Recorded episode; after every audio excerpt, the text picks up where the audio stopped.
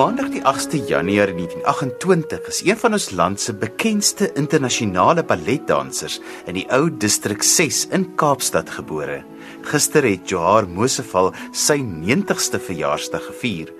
Vanaand bring ons hulde aan hierdie bekroonde danser wat nie net die eerste breindanser was wat op die destydse Nico Melans verhoog gedans het nie, maar wat ook selfs vir die koningin van Engeland tydens haar kroning gedans het.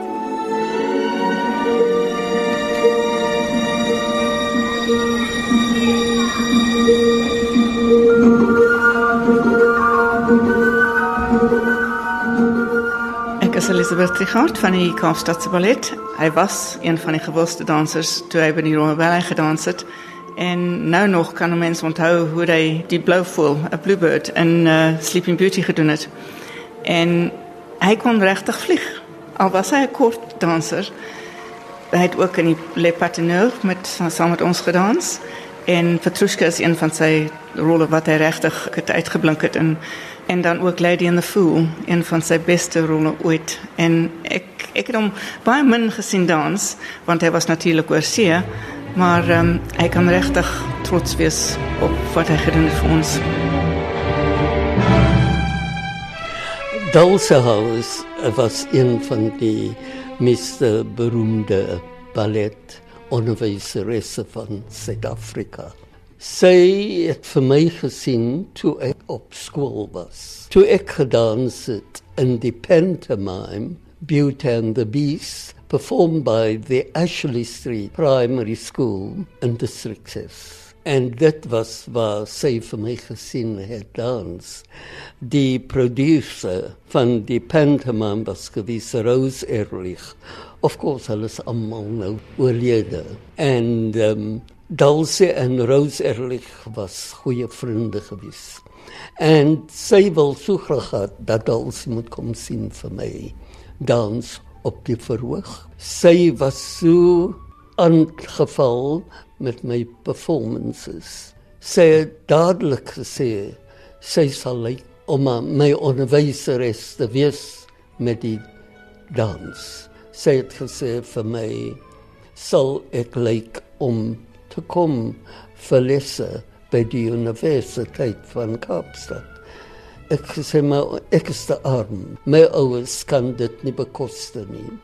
Want um, ek was die oudste een van 10 kinders gewees. En my ouers was um, vreeslik vir die geloof as moslim en dit is nie aanval vir my om uh, te dans nie hulle dit nie daarvan gehou dat ek moet uh, dans gaan gaan leer vir dans nie. Maar ek het so aangehou en baie goeie vriende van my, John Dronsfield en Dennis Hetfield, het die kritieks gewees van daardie tyd.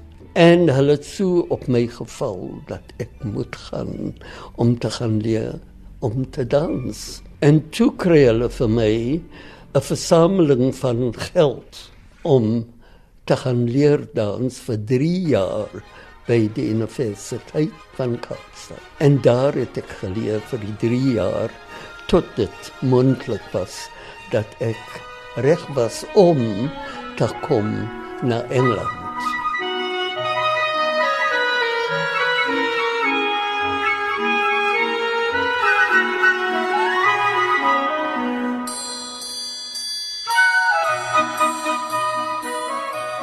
Ek wou by Eduard Greiling weet wat het van Johar so 'n besondere danser gemaak. Hy het baie belang gestel in gimnastiek. So hy was baie fisies georiënteerd. Hy baie gehou op sy liggaam te gebruik om somersaults te doen en natuurlik, ek dink in gimnastiek sou jy 'n bietjie af ook, né? Nee. So dis al klaar nood, noodsaaklik as jy op die verhoog gaan optree. Ek dink dit was ook miskien die feit dat hy hy weet uh, arm groot geword het, uh, hy distrik 6 en hy destyds al talent getoon het en ehm, 'n um, liefde daarvoor gehad het en met goedkeuring van die van die imam ook. Uh maar daar was sprake gewees destyds ook weet wat wat is hierdie ballet wat hierdie man nou doen. So en toe moes hy vir die twee mense gaan wys wat dit alles is en toe het hulle vir natuurlik gesê, "Oh no, this is very beautiful thing." Jy weet, dis nie sommer want ek dink destyds se dans ook maar net 'n sleg naam gehad as gevolg van miskien nagklub dans of so tipe so iets, jy weet. Maar in elk geval, ek dink wat haar so besonder was, is die feit dat hy soort van half net reguit vorentoe geploeg het. Ek dink nie hy het teruggekyk nie. Hy het waardeer wat sy ouers hom gedoen het en Delsie Haas het hom natuurlik vir 3 jaar opgelei by Universiteit Kaapstad en sy het gedink ja nee, hy moet want die idee was dat hy onderwyser sou word want sy het vir hom gesê jy weet ehm um, jy is nie die gesogte lengte vir 'n danser nie maar sy het ook vir hom gesê en hy hy herhaal dit gedurig hy sê it won't be because of your color. It will be because of your height if you don't become a dancer jy weet so sy het vir hom gesê moenie omdat jy met jou agtergrond in Suid-Afrikaanse politiek et cetera et cetera uh, moet jy nie dink dis hoekom jy teruggehou gaan word nie maar dit gaan miskien wees oor jou jou lengte. Die ding is die meeste ballette die klassieke ballette het soort van die rol van 'n jester dis gewoonlik 'n korte persoon en hy het al daai rolle gedoen ook en rolle was vir hom geskep so hy het dit met volharding gedoen en ek dink hy het nooit eintlik teruggekyk om te sê dis iets wat ek nie moes gedoen het, ek kan iets anders gedoen het. Nee, dit was vir hom net 'n kwessie van van dis die enigste ding wat ek werklik wil doen en hy het dit gedoen.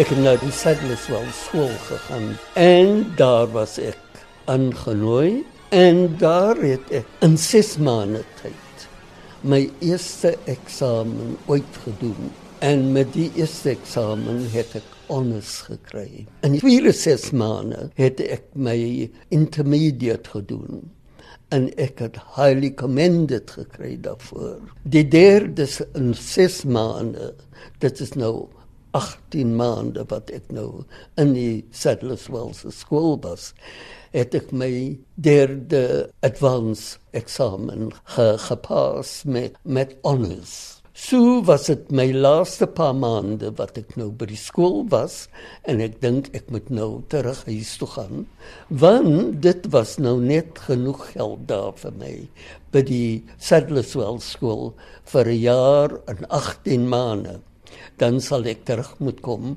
en kom onderwys.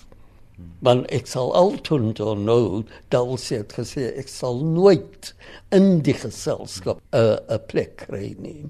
En daar is dit dat ek die gelukkige persoon was om te join die Saddlers Wells Theatre Ballet te same met ander dansers soos Patricia Miller, Marion Lane, Nadia Narina en uh, David Poole en die ander beroemde dans. Een van die hoogtepunte van jou loopbaan was dat jy vir die kroningsgeleentheid van die koningin gedans het. Dit was 'n paar maande gelede wat ek uh, in die company was en toe is dit dat um, die koning afgesterf het. En toe was dit die dogter Queen Elizabeth wat toe koningin uh, was.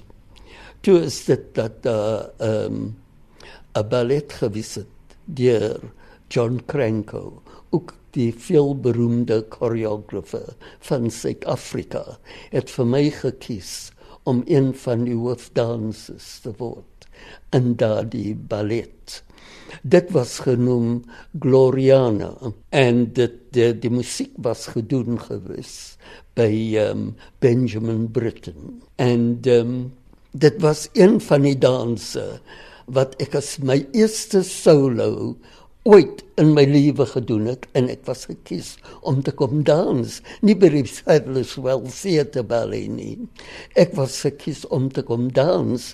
My eerste solo vir die Queen op haar koronasie at the Royal Opera House Covent Garden. En dit was nie net vir haar nie maar vir elke koning en koningin van die wêreld elke president van die wêreld, elke prime minister van die wêreld was in die audience gewees.